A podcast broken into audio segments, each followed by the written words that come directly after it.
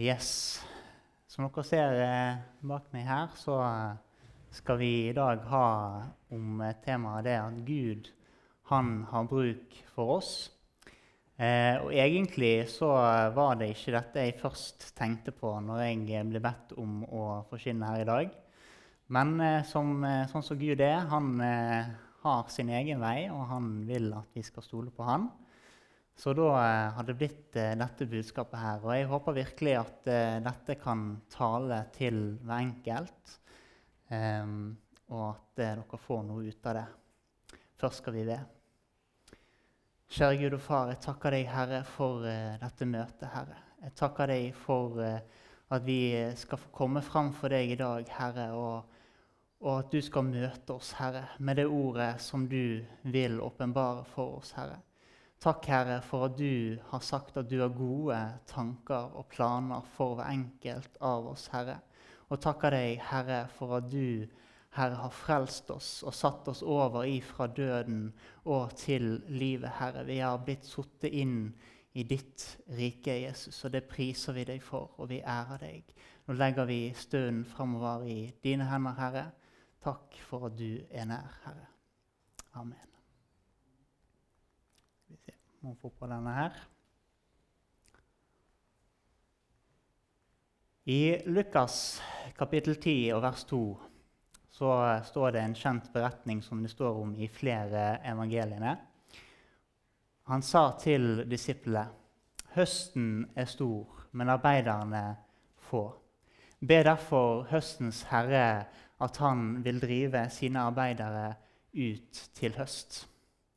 Og vi vet det at det finnes mennesker i verden utenfor som trenger troende som svarer på Guds kall om å gå ut med evangeliet om Jesus. Og til og med innad i menigheten så har Gud bruk for noen som sier som profeten Jesaja, 'Herre, her er jeg, send meg'. Og Misjonsbefalingen det vet vi som har vandret en stund, det gjelder alle troende. Og I Markus kapittel 28 og vers 8-20 og Jesus trådte fram og talte til dem og sa:" Meg er gitt all makt i himmelen og på jord. Gå derfor ut og gjør alle folkeslag til disipler, idet dere døper dem til Faderens, Sønnens og Den hellige ånds navn, og lære dem å holde alt det jeg har befalt dere. Og se, jeg er med dere alle dager inntil verdens ende. Og hvis ikke vi som allerede kjenner Jesus, hvis ikke vi går ut og gjør sånn som Jesus har bedt oss om, og gjør de gode nyhetene om Han kjent for all verden, hvem skal da gå? Apostles gjerninger eh, kapittel 1 og vers 8 så sier Jesus før han drar opp til himmelen men dere skal få kraft idet Den hellige ånd kommer over dere. Og dere skal være mine vitner både i Jerusalem og i hele Judea og Samaria og like til jordens ende. Og i Markus kapittel 16 vers 17 og 18. Og disse tegnene skal følge den som tror. I mitt navn skal de drive ut onde ånder. De skal tale med nye tungemål. De skal ta slanger i hendene. Om de drikker dødelig gift, så skal det ikke skade dem. På syke skal de legge sine hender, og de skal bli helbredet. Du, det hele det er grunnlagt på gode løfter. Som vi hørte gjennom sang og gjennom budskap, at Gud han har sjøl lovet å gå med oss når vi går i troen på Han. Men allikevel så er det sånn at for de fleste av oss så er det utfordrende. Selv om vi vet hva Gud har bedt oss om å gjøre, så koster det oss ofte noe, det å gå. Og Det kan være mange gode grunner til at vi vegrer oss. Og De fleste kan nok garantert komme på noe. Og Det kan f.eks. være spørsmål rundt vår egen frelsesvisshet. Det kan være spørsmål rundt om vi har stor nok tro. Kanskje er det frimodigheten som hindrer deg. Eller kanskje føler du deg ikke kvalifisert nok til å gå. Til og med jeg syns at det er utfordrende. Det er litt en terskel å stå foran dere her i dag. Men jeg vet det at Gud, han er med. Og Derfor så tenkte jeg at vi også skulle ha for oss litt av hva Guds ord sier om disse temaene her. Så kanskje forhåpentligvis at vi alle kan få gå hjem litt mer oppmuntret i troen på at Gud han er med oss alle dager. Så Vi begynner med frelsesvisshet. Og Da er jo det betimelig å spørre hva er egentlig frelse for noe? Og helt enkelt så betyr jo egentlig frelse det samme som frihet. Men hva er det vi egentlig er frelst fra? Jo, vi er frelst fra vår syndeskyld i møte med Guds herlighet. Og det var fantastisk å høre åpningsordet fra 1. Timoteus, hvor Paulus han erkjente det at ja, han var den største synderen av alle, men ved Jesu Kristi nåde så kunne han bli det som Gud hadde tenkt. Og I Romerne kapittel 3 og vers 23, for det er ingen forskjell. Alle har syndet og mangler Guds herlighet.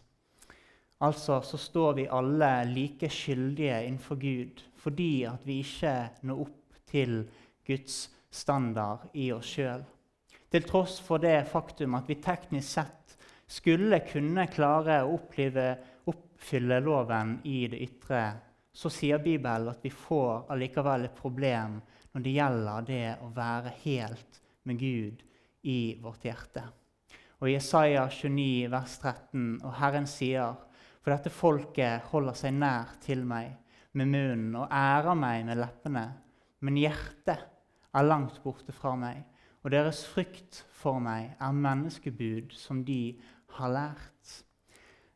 Og et annet sted står det òg at eh, Gud han sa til israelsfolket at det har ikke lenger behag i syndofrene som dere gjør. Og hvorfor sa han det? For det er jo egentlig veldig rart. Det var jo han som påbød at de skulle det. Jo, men han sa det fordi at han så at i hjertet så var det ikke helt med Gud. Og så kommer spørsmålet videre hvordan blir vi egentlig frelst? Og De fleste har jo hørt de kjente versene fra Johannes evangelium kapittel 3 vers 16-18. For så høyt har Gud elsket verden, at han ga sin sønn den enebårne, for at hver den som tror på ham, ikke skal fortapes, men har evig liv.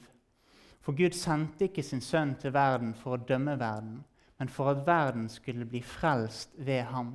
Og den som tror på ham, blir ikke dømt. Den som ikke tror, er allerede dømt, fordi han ikke har trodd på Guds enebårne sønn. Og Her har jeg skrevet under at det handler det om å tro på Jesus. Det er en nøkkel i forhold til dette her med frelse. I Feserbrevet kapittel 2 og vers 8-10.: For av nåde er dere frelst, ved tro. Det er ikke av dere sjøl.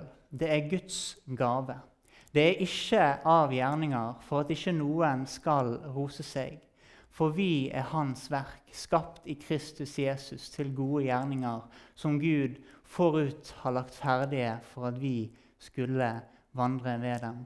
Og Her ser vi også det at det er Guds nåde pluss vår tro som gjør at vi kan bli frelst. Det er ikke av vår egen godhet. Det er ikke vår egen tilstrekkelighet eller hvor flink vi er, eller hvor mange gode gjerninger vi gjør, men det er av nåde og ved tro. Og så syns jeg det er så fantastisk som det står i vers 10, at vi er Hans verk, skapt i Kristus Jesus til gode gjerninger, som Han forut har lagt ferdig for at vi alle sammen skulle få vandre i dem.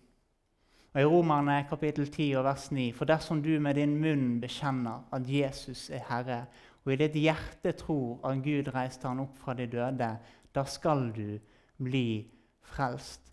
Og enkelt og greit så sier Guds ord her at dersom vi bekjenner Jesus som vår Herre og tror i vårt hjerte at han døde på korset for din og min skyld, da er du frelst. Så enkelt er det egentlig, selv om på mange måter så kommer det følelser og tanker som sier noe annet. Til og med så kommer djevelen noen ganger og minner oss om de tingene som vi har gjort. Det som ikke var bra, det som ikke var til Guds standard.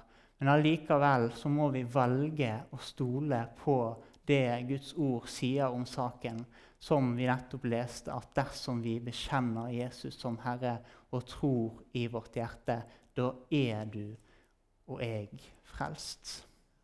Så kommer vi til tro. Og hva er tro egentlig for noe? Og Hebreerne 11 det er jo et kjent, kjent som troskapittelet i Bibelen. Og vi skal lese vers 1. Men tro er full visshet om det en håper. Overbevisning om ting en ikke ser. Med andre ord så kan vi si det at tro det er å ha tillit. Det er å stole på, det er å sette sin lit til osv. osv.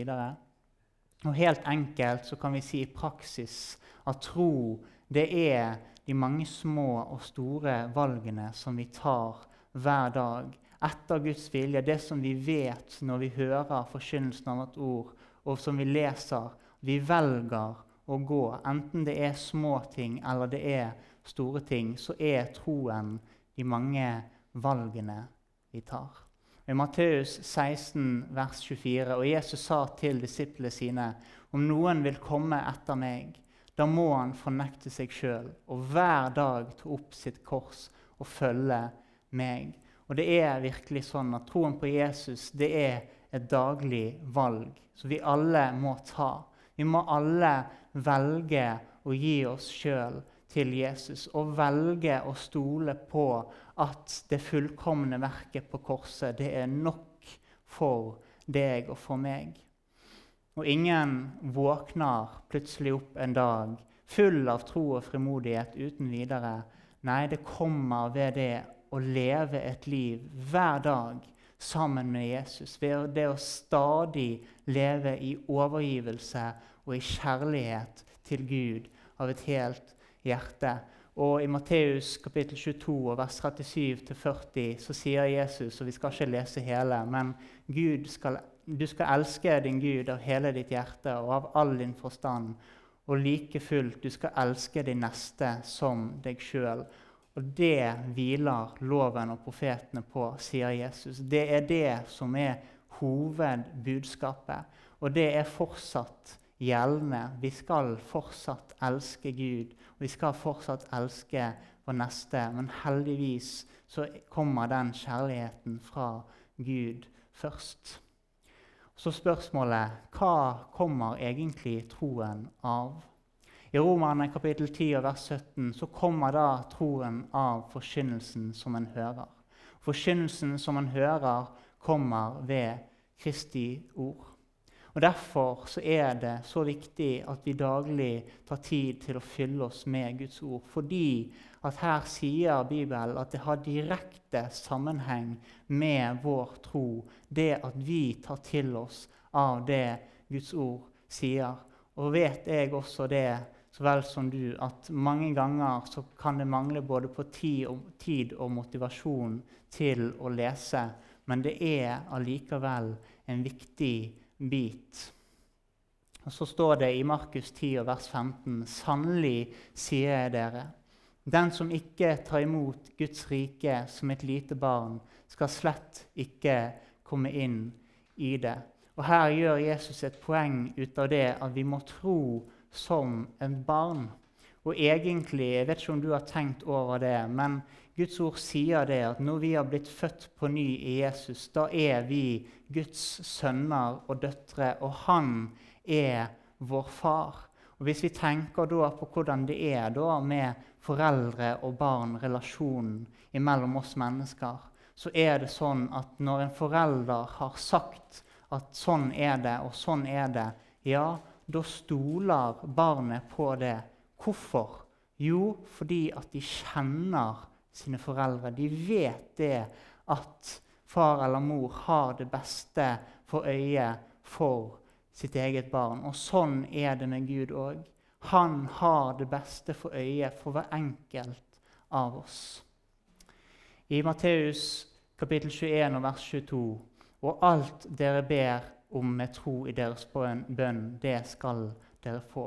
Altså, når vi ber, når vi tror på Guds ord og løfter, når vi tror det at Han hører oss når vi ber, så har Han lovet å svare etter sin gode vilje. Om du har bare lite grann tro, så sier Jesus i Matteus 17, vers 20, og han sa til dem, for deres vantros skyld, sannelig sier dere, om dere har tro som et sennepsfrø, kan dere, kan dere si til dette fjellet, flytt deg herfra og kast deg i havet. Og det skal flytte seg, og ingenting skal være umulig for dere. Og vi har kanskje alle hørt beretning om dette sennepsfrøet før. Og hvis ikke du visste det, så er det veldig, veldig lite frø. Men når det vokser opp, så blir det et stort tre. Og ut av min erfaring i livet så kan jeg anbefale virkelig det å spørre Gud om å få et ord, et mannaord, midt inne i den situasjonen som du står i. Når du står foran et stort fjell i ditt liv som du ser at dette kan ikke jeg flytte på, så be Gud om å få et ord ifra Han som du kan stå på, så du kan takke for og tro på helt til det skjer noe. Og Det er lett å bli mismodig når vi føler det at vi har for lav tro. Men så er det viktig at vi husker på det her. At fokuset vårt det skal ikke være så mye på oss sjøl, men som Hebreerne 12, vers 2, med blikket festet på Jesus han som er troens opphavsmann og fullender. For å oppnå den gleden som ventet han, led han tålmodig korset uten å akte vanæren, og har nå satt seg på høyre side av Guds trone. Og folkens, her er det vårt fokus skal være. På Jesus, han som har seiret over alle makter og myndigheter. Han som har seiret over graven og all død og all synd og elendighet. Han som sitter ved Guds høyre side i himmelen. Og han er det vi har med å gjøre. Han er det som er nær oss og hjelper oss og styrker oss. Og til og med så kan vi gjøre som apostles gjorde i Lukas kapittel 17 vers 5. Vi kan be Gud Øk vår tro. Når du føler det at du har for lite tro, så kan du gjøre det så enkelt og si til Gud Gud, øk troen min. Jeg trenger mer tro. Så kommer vi til frimodighet. Og Hvorfor er det sånn egentlig at vi kan ha frimodighet? I 2.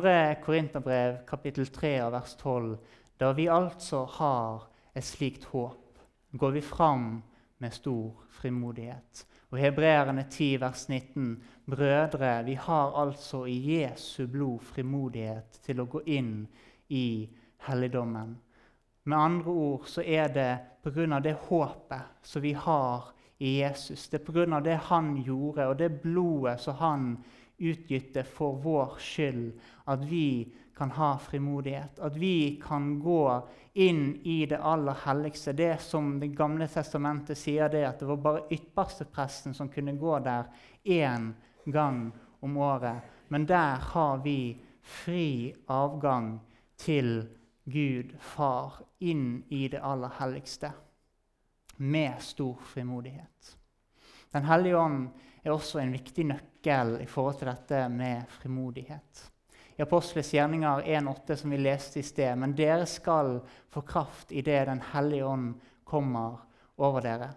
Og i kapittel 4 vers 31 i Apostles gjerninger, og da de hadde bedt, skal stedet der de var samlet, og de ble alle fylt med Den hellige ånd, og de talte Guds ord med stor frimodighet. Og dette er jo også pinseberetningen. Og vi vet det at seinere så stilte Peter seg fram for alt folket og forkynte frimodig om Jesus, om frelsen i han, selv om det var kort tid siden han sjøl hadde fornektet Jesus. Allikevel så stilte han seg fram, og på den dagen så sier Guds ord at 3000 ble frelst. Om vi har falt i synd, så er det også en ting som kan hindre vår frimodighet. Og Da er det så godt å vite, som det står i 1. Johannes brev, kapittel 1, vers 9.: Dersom vi bekjenner våre synder, er Han trofast og rettferdig, så Han forlater oss syndene og renser oss fra all urettferdighet.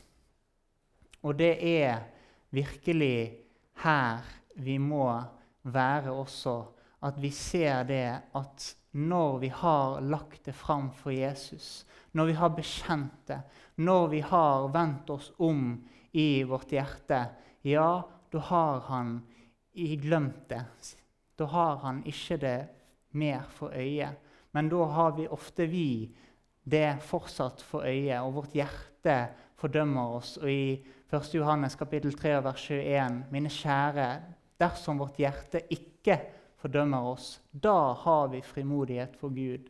Og her vil jeg minne dere om det, at når, dere har, når vi har lagt det fra oss hos Jesus, ja, da kan vi begynne på nytt. Da kan vi igjen flytte vårt blikk på Jesus og ikke bli værende i depresjon og plage for det som gikk galt. Kanskje er du redd. Kanskje det er noe som hindrer deg i din frimodighet. Og videre i 1. Johannes brev, i kapittel 4 og vers 4.: Mine barn, dere er av Gud og har seiret over dem. For Han som er i dere, er større enn Han som er i verden. Altså, vi som har tatt imot Jesus, vi har fått Den hellige ånd iboende i oss. Derfor så trenger vi heller ikke å frykte, for Han er med oss alle dager inntil verdens ende, sa Jesus. Og han er virkelig det, selv om vi ikke alltid føler det sånn. Og I Lukas kapittel 1 vers 37 så står det for ingenting er umulig for Gud. Og kjære venn, derfor så er heller ingenting umulig for den som er i Gud. Og Her er det viktig at det er i Gud, og ikke i oss sjøl. Men i Gud så er alt mulig. Så kommer vi til dette med kvalifikasjoner. Du spør deg kanskje men har jeg egentlig noe å tilby. Er jeg kvalifisert nok?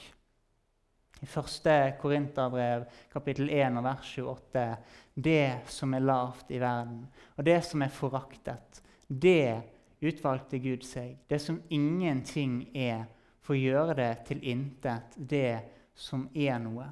Og selv om Gud bruker også de som er noe i denne verden, så liker Gud veldig godt å bruke deg som føler at du er ikke så veldig mye. Og kanskje andre også har fortalt deg at 'nei, du, du er ikke nok'. Men Gud, han er den som gjør oss nok, og det er derfor han også liker det. For da er det hans navn som blir æret. Det er han som blir opphøyet, ikke oss sjøl. Men han fortjener all ære og pris. Og så vil Gud bare så enkelt og så vanskelig som det å gi han det vi har.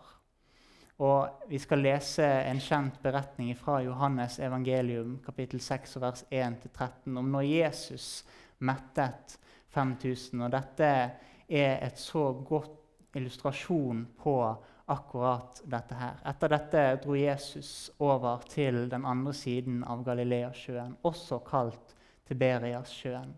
En stor folkemengde fulgte ham, for de så de tegnene som han gjorde på de syke. Jesus gikk opp i fjellet, og der satte han seg sammen med disiplene sine. Og påsken, jødenes høytid, var nær. Da nå Jesus løftet sine øyne og så at en stor folkemengde kom til ham, sa han til Philip.: Hvor skal vi kjøpe brød, så disse kan få noe å ete? Men dette sa han for å prøve han, for han visste selv hva han ville gjøre. Og Philip svarte ham, brød for 200 denarer, det er ikke nok til at hver av dem kan få et lite stykke.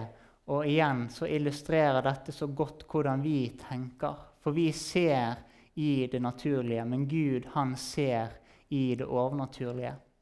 Og En av disiplene hans, Andreas, Simon Peters bror, sier til ham her er en liten gutt som har fem byggbrød og to små fisker. Men hva er det egentlig til så mange? Jesus sa, 'La folket sette seg ned.' Det var mye gress på stedet, og mennene satte seg da ned. Tallet på dem var omkring 5000.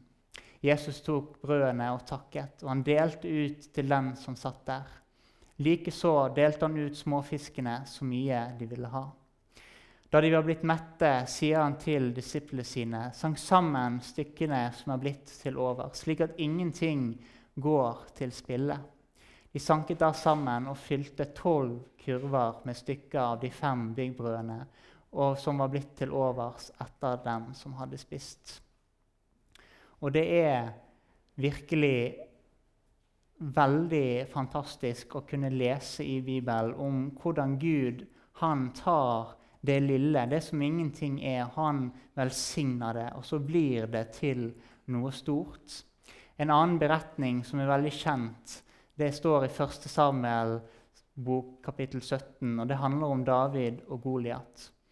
Og Det er lett å tenke det at David han var jo blitt salvet til konge allerede. Så han var jo sikkert allerede veldig kvalifisert. Og han hadde sikkert rustning og sverd og alt dette, men det hadde han jo virkelig ikke. Og til og med når han prøvde å ta på seg Saul sin rustning, så passet det ikke.